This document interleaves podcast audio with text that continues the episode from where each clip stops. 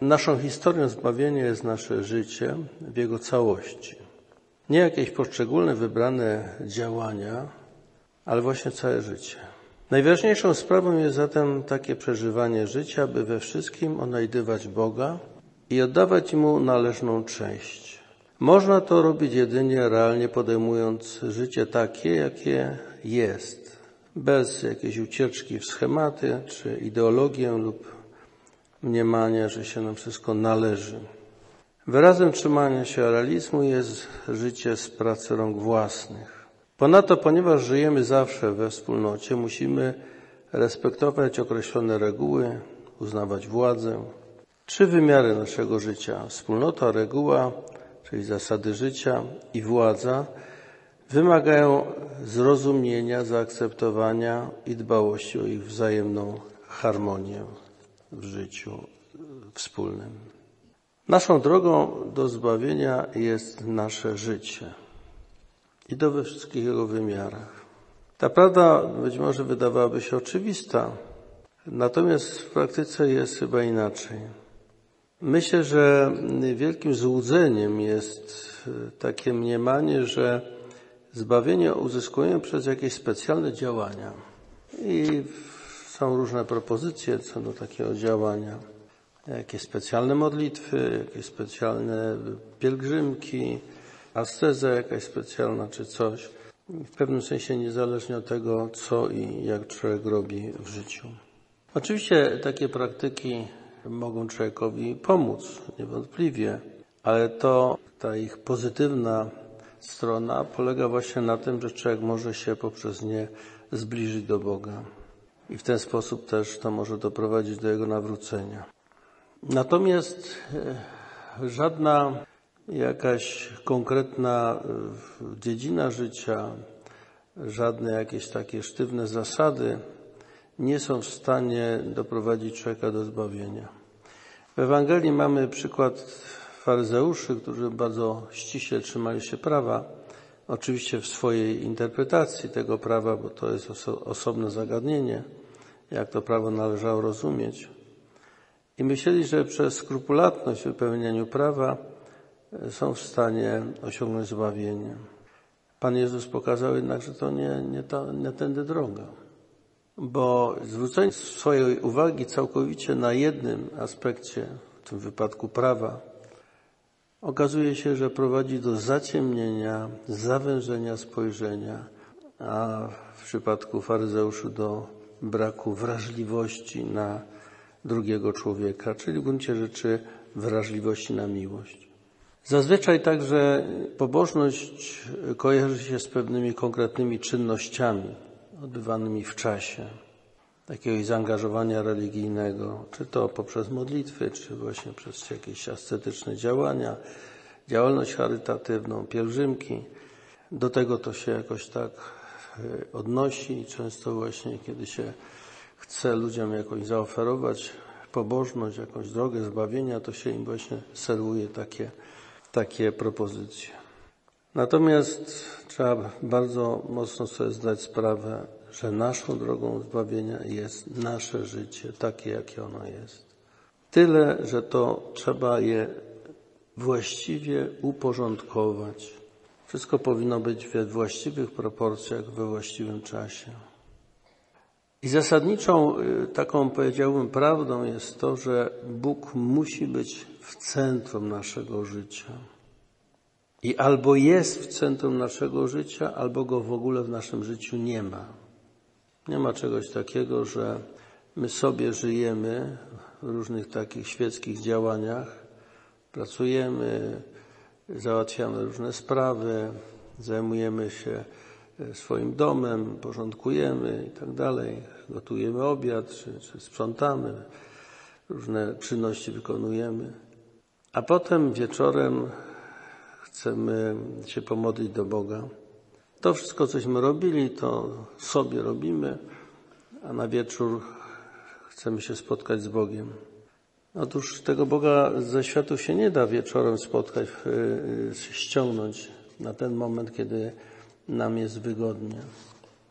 Jeżeli go ignorujemy w ciągu dnia, no to się go do życia ściągnąć potem na ten moment spotkania z Nim nie da. Bóg albo jest w centrum naszego życia, jest stale obecny w naszym życiu, albo go po prostu nie ma. Na marginesie życia może być tylko Bożek, nie Bóg prawdziwy i żywy. Pan Jezus bardzo wyraźnie mówi: starajcie się wpierw o Królestwo Boże, Jego sprawiedliwość, a reszta, właśnie te wszystkie nasze działania, czynności, to co jest potrzebne w życiu, żebyśmy tu na ziemi przeżywali to życie, przeżyli spokojnie, będzie Wam dodane. Tak to jest ustawione w Ewangelii. I w związku z tym y, autentyczne przeżywanie wiary y, przenosi się na całe życie, na postawę w życiu. I to się wyraża taką fundamentalną prawdą, że my w istocie jesteśmy dziećmi Boga. I będąc tu na ziemi, jesteśmy w takiej jednej wielkiej szkole służby pańskiej, jak to święty Benedyk określa. Szkole, gdzie Bóg nas wychowuje poprzez różne sytuacje. Chce, abyśmy doszli do dojrzałości. Pan Jezus to w Ewangelii wyraża w ten sposób. Każdego więc, kto tych słów moich słucha i wypełnia je, można porównać z człowiekiem roztropnym, który dom swój zbudował na skalę. Spadł deszcz, wezbrały się rzeki, zerwały się wichry, uderzyły w ten dom. On jednak nie runął, bo na skalę był utwierdzony. Każdego zaś, kto tych słów moich słucha, nie wypełnia ich, można porównać z człowiekiem nierozsądnym, który dom swój zbudował na piasku. Spadł deszcz, wezbrały rzeki, zerwały się wichry i rzuciły się na ten dom i runął, a upadek jego był wielki. Otóż e, Ewangelia świętego, e, Ewangelia, którą głosi Pan Jezus, odnosi się do, naszej, do naszych postaw w różnych sytuacjach. A w życiu najczęściej mamy do czynienia ze spotkaniem z drugim człowiekiem na różny sposób. Ale za każdym razem chodzi o to, żebyśmy byli autentyczni w tym spotkaniu. Jeszcze do tego, kiedy Pan Jezus mówi, coście uczynili jednemu z tych najmniejszych, mnieście uczynili. To się okazuje, że każda czynność, każda, każde wsparcie, albo odwrotnie, obojętność, złość na innych jakoś przenosi się na naszą relację do Boga. Święty Jakub w liście bardzo wyraźnie mówi, że wiarę trzeba łączyć z uczynkami. Przy czym uczynki rozumie jako y, po prostu praktyczne czyny, które podejmujemy we właściwym duchu. Jaki z tego pożytek, bracia moi, skoro ktoś będzie utrzymywał, że wierzy, a nie będzie spełniał uczynków? Czy sama wiara zdoła go zbawić? Jeżeli na przykład brat lub siostra nie mają odzienia lub brak im codziennego chleba, a ktoś z was powie im idźcie w pokoju, ogrzejcie się i najedźcie do syta, a nie dacie im tego, czego koniecznie potrzebują dla ciała, to na co się to przyda? Tak też i wiara, jeżeli nie byłaby połączona z uczynkami, martwa jest sama w sobie. Ale może ktoś powiedzieć, ty masz wiarę, a ja spełniam uczynki. Pokaż mi wiarę swoją bez uczynków, to ja Ci pokażę wiarę na podstawie moich uczynków. Wierzysz, że jest jeden Bóg? Słusznie czynisz. Lecz także i złe duchy wierzą i drżą. No właśnie. To orędzie Ewangelii musi się przełożyć na życie. Właściwie można powiedzieć, że mądrość, cała mądrość życia monastycznego sprowadza się do tego jednego, żeby uczynić z Ewangelii drogę życia, żeby y, wprowadzić Ewangelię w swoje życie.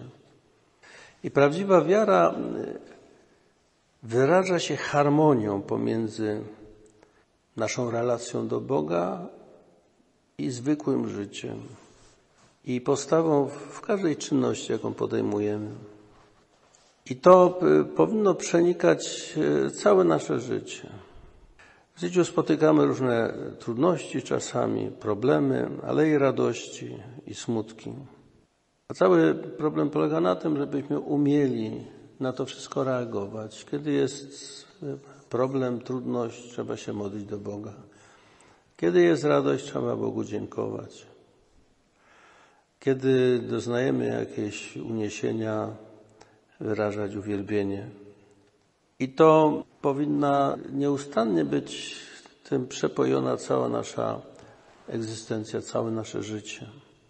Myślę, że zasadnicza myśl świętego Benedykta wyraża się tym, że żeby tak przeżywać życie i wszystko to, co robimy w życiu, aby to nas prowadziło do spotkania z Bogiem, stawiało nas przed Bogiem.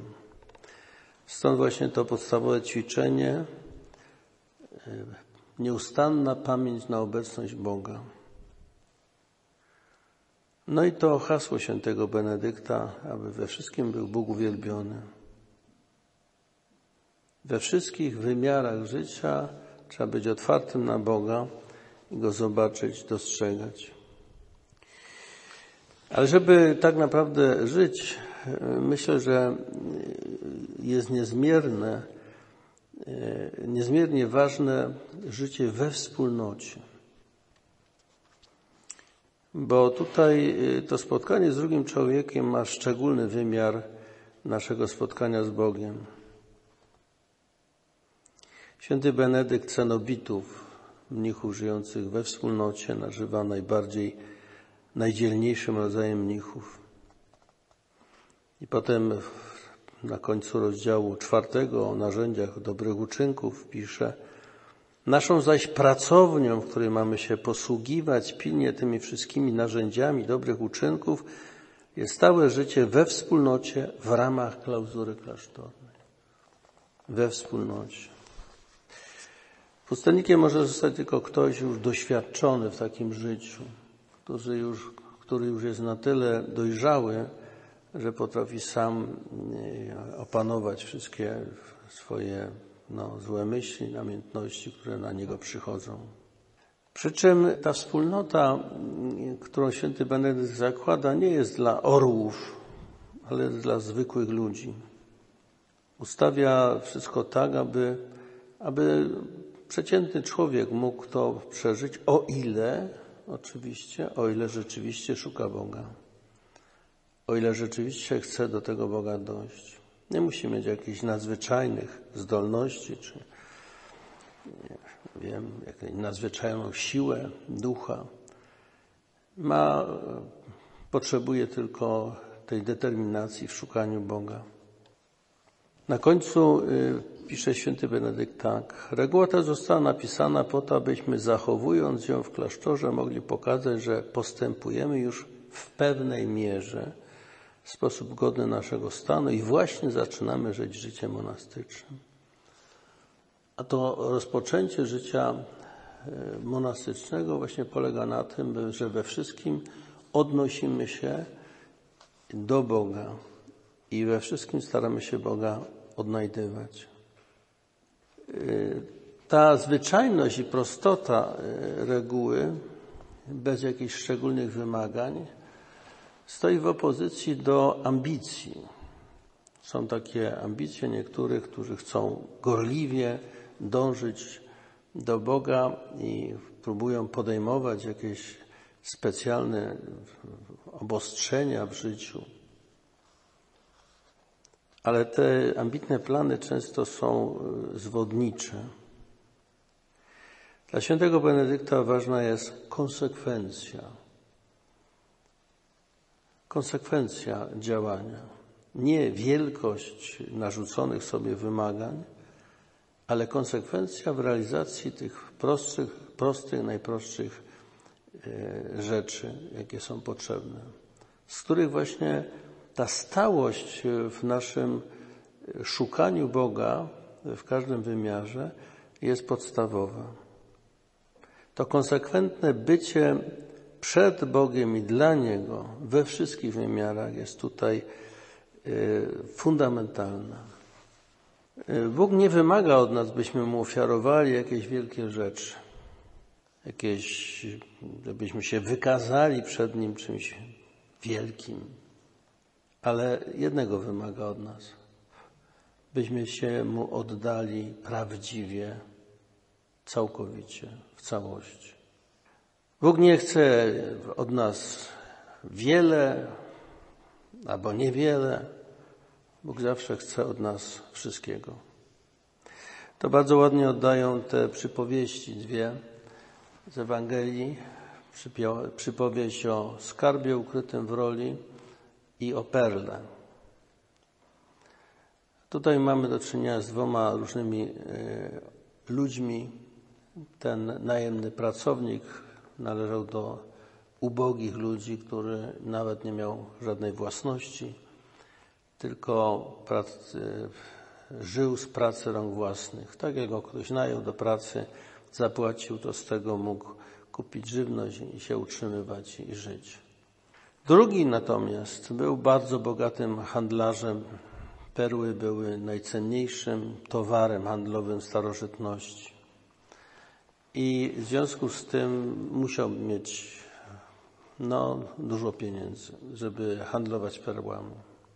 Ale w obu przypadkach i tego ubogiego człowieka, który nie miał właściwie żadnego majątku, i tego, który miał duży majątek, w obu przypadkach dopiero kiedy sprzedali wszystko, co mieli, mogli kupić czy tą rolę ze skarbem, czy tą drogocenną perłę. Za każdym razem. Natomiast taką, takim przykładem, powiedziałbym, negatywnym jest ten tak zwany bogaty młodzieniec, który Pan Jezus mu powiedział, żeby sprzedał wszystko, co posiadał, rozdał ubogim, a potem, żeby przyszedł i szedł za nim. Otóż jego nie było na to stać. On był gotów podjąć jakiś duży wysiłek, jakieś, jakieś duże wyrzeczenie, ale oddanie wszystkiego ogołocenie się i pozostawanie na takiej no, Bożej łasce było dla niego nie do, nie do przyjęcia. Lęk sparaliżował go. Natomiast y, to się już wszystko, za, y, to wymaganie Boże zawiera się już w Starym Testamencie wyraźnie. Nie będziesz miał bogów innych oprócz mnie. Słuchaj, Izraelu, Pan, je, Pan jest naszym Bogiem, Panem jedynym. Będziesz miłował Pana Boga Twojego z całego swojego serca, z całej duszy swojej, ze wszystkich swoich sił. Znaczy trzeba powiedzieć we wszystkich wymiarach swojego życia. Także to się zawiera już w Starym Testamencie, ta prawda o, relacji człowieka do Boga. Pan Jezus to też y, wypowiada w takich słowach dosyć y, mocnych w Ewangelii. U Mateusza mamy kto kocha ojca lub matkę bardziej niż mnie, nie jest mnie godzien. I kto kocha syna lub córkę bardziej niż mnie, nie jest mnie godzien. U Łukasza mamy wręcz powiedziane, kto nie ma w nienawiści ojca i matki. Oczywiście słowo nienawiść nie oznacza tutaj nienawidzie, nienawiści, ale właśnie ma taki sens jak u Mateusza, żeby nie kochać bardziej niż Chrystusa. Ale to wyrażenie przez słowo nienawiść wskazuje na konieczną determinację w tej miłości. I to się wszystko wiąże z tym, że my jesteśmy wpierw i przede wszystkim dziećmi Boga. To Bóg nas obdarzył życiem, nie rodzice. Rodzice byli pośrednikami. Bóg nas obdarzył życiem i godnością bycia dzieckiem Bożym. I w końcu każdy, jak się mówi, umiera samotnie, sam. I to, co jest najważniejsze w naszym życiu, to ostateczne spotkanie z Bogiem. I to oddanie się całkowite, powierzenie się Bogu jest najbardziej autentyczną odpowiedzią. I tutaj y, Maryja jest tą no, mistrzynią tego, tej odpowiedzi. My ciągle e, nawiązujemy do tej odpowiedzi i musimy się w niej znajdować. Oto służebnica Pańska, niech mi się stanie według Twego słowa. Jan Paweł II, pisząc o niej, mówi: Przez wiarę słuchała w dalszym ciągu i rozważała to słowo. To znaczy, to jest zwiastowanie anielskie, w którym stało się coraz przejrzystsze w sposób przekraczający wszelką wiedzę. Samo objawienie się Boga żywego. Maria Matka stawała się w ten sposób pierwszą poniekąd uczennicą swego syna, pierwszą, do której on zdawał się mówić: Pójdź za mną. Wcześniej niż wypowiedział to wezwanie do apostołów czy do kogokolwiek innego. To się także odnosi do nas, bo to powołanie do, y, do jedności z Bogiem, do pójścia za Nim, szukania Boga, my mamy przez sam fakt, że jesteśmy stworzeni przez Niego, a właściwie można powiedzieć, jesteśmy obdarowani sobą samym.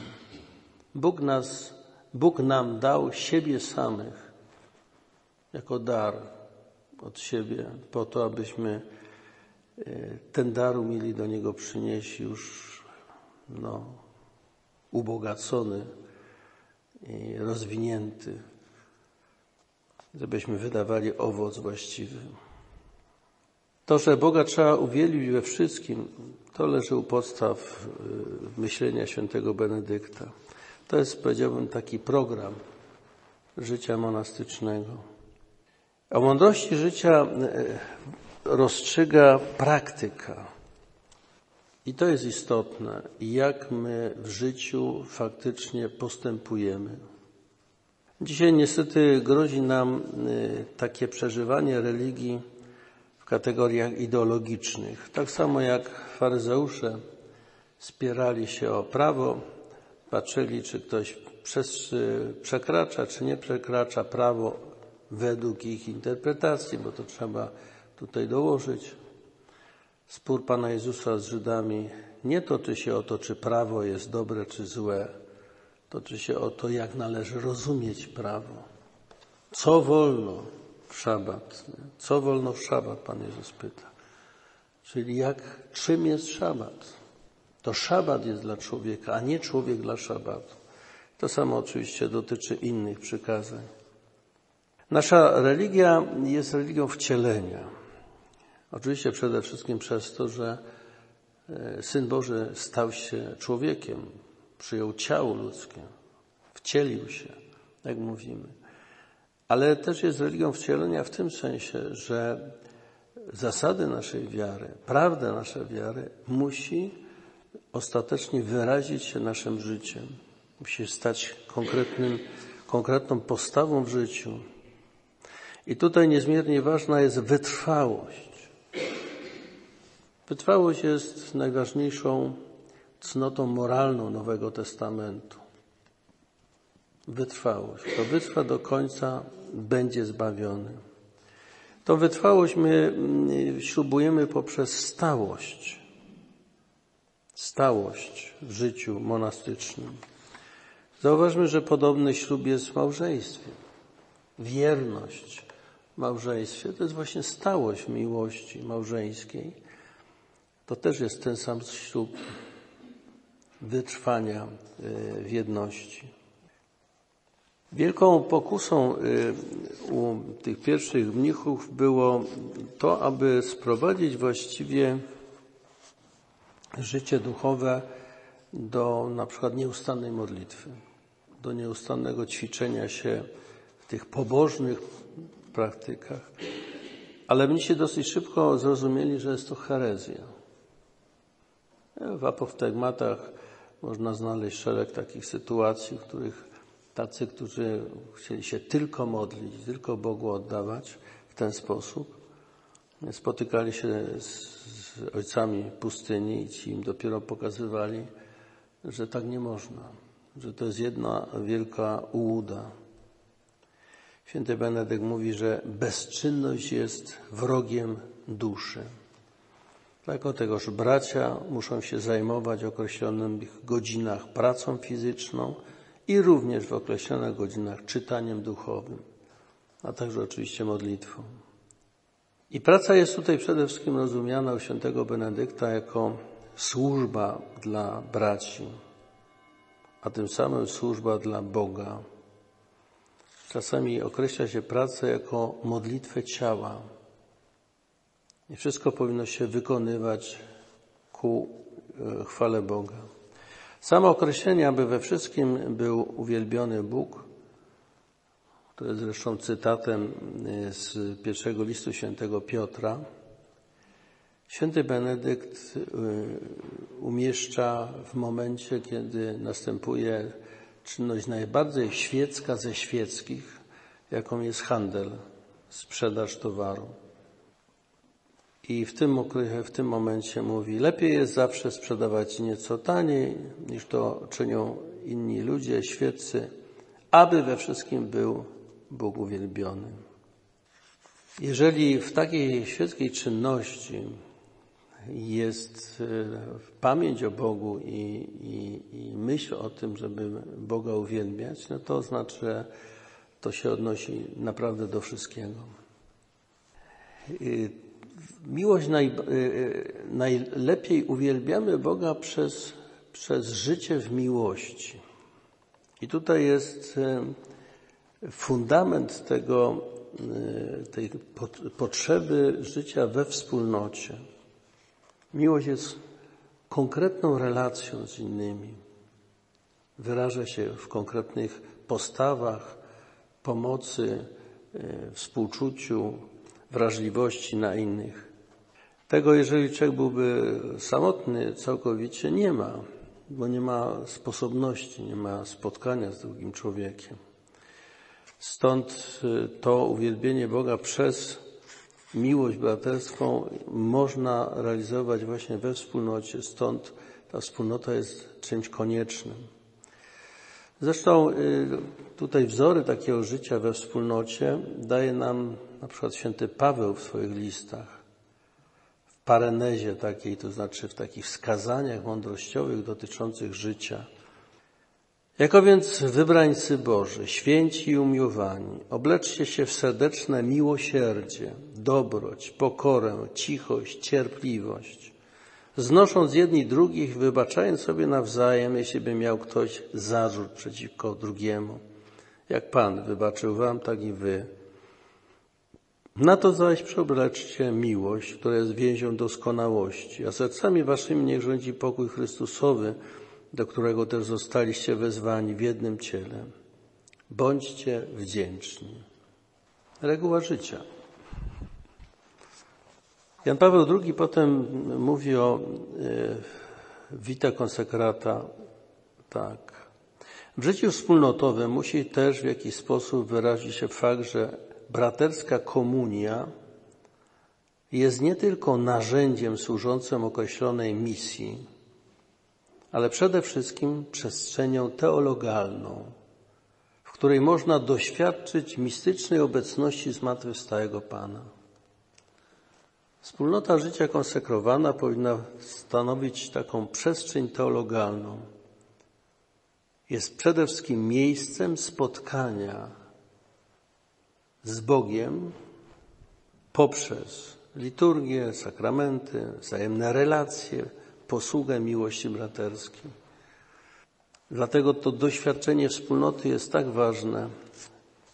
Myślę, proszę sióstr, że e, najważniejsze zresztą to Jan Paweł II podkreśla, nie jest efektywność w misji, która jest rozumiana jako konkretne dzieło do wykonania w Kościele czy wobec świata, ale właśnie wspólnota miłości. Ona jest y, najwyraźniejszym znakiem i realizacją. Tutaj, proszę sióstr, pozwolę sobie prze, y, przytoczyć y, tą modlitwę arcykapłańską Pana Jezusa z 17 rozdziału Ewangelii Jana. Przeczytam tylko tę tą część dotyczącą Kościoła, końcową część. Trzeba pamiętać, że to jest testament Pana Jezusa, wyrażony najbardziej, powiedziałbym, uroczyście, wyrażony w formie modlitwy, Jego modlitwy do Ojca. Nie tylko za nimi proszę, ale i za tymi, którzy, którzy dzięki ich słowu będą wierzyć we mnie. Czyli do, dotyczy to nas. Aby wszyscy stanowili jedno, jak Ty, Ojcze, we mnie, ja w Tobie, aby i oni stanowili w nas jedno, by świat uwierzył, że Ty mnie posłałeś. Właśnie ta jedność i miłość braterska jest najwyższym dowodem właśnie tego, że Chrystus jest rzeczywiście Bożym posłańcem. A także chwałę, którą mi dałeś, przekazałem im, aby stanowili jedno, tak jak my jedno stanowimy. Ja w nich, a Ty we mnie. Oby się tak zespolili w jedno, aby świat poznał, żeś Ty mnie posłał i że Ty ich umiłowałeś tak, jak mnie umiłowałeś. Ojcze, chcę, aby także ci, których mi dałeś, byli ze mną tam, gdzie ja jestem, aby widzieli chwałę moją, którą mi dałeś, bo umiłowałeś mnie przed założeniem świata. Ojcze sprawiedliwy, świat Ciebie nie poznał, lecz ja Ciebie poznałem i oni poznali, żeś Ty mnie posłał. Objawiłem im Twoje imię i nadal będę objawiał, aby miłość, którą Ty mnie umiłowałeś, w nich była i ja w nich. Tutaj y, to jest tak jednoznacznie y, powiedziane przez Pana y, Jezusa i w tym właśnie to uwielbienie Boga najbardziej się przejawia. To powinien być taki punkt ciężkości. Uwielbienie Boga poprzez świadomość, że jesteśmy wszyscy Jego dziećmi i jako Jego dzieci winniśmy się wzajemnie kochać, miłować. Wtedy ta wzajemna miłość staje się rzeczywiście świadectwem tego, że Bóg jest Ojcem, a ten, który nam objawił w pełni tą prawdę, jest Jego Synem i rzeczywiście przyszedł tutaj od Ojca, aby nam to przekazać w Ewangelii.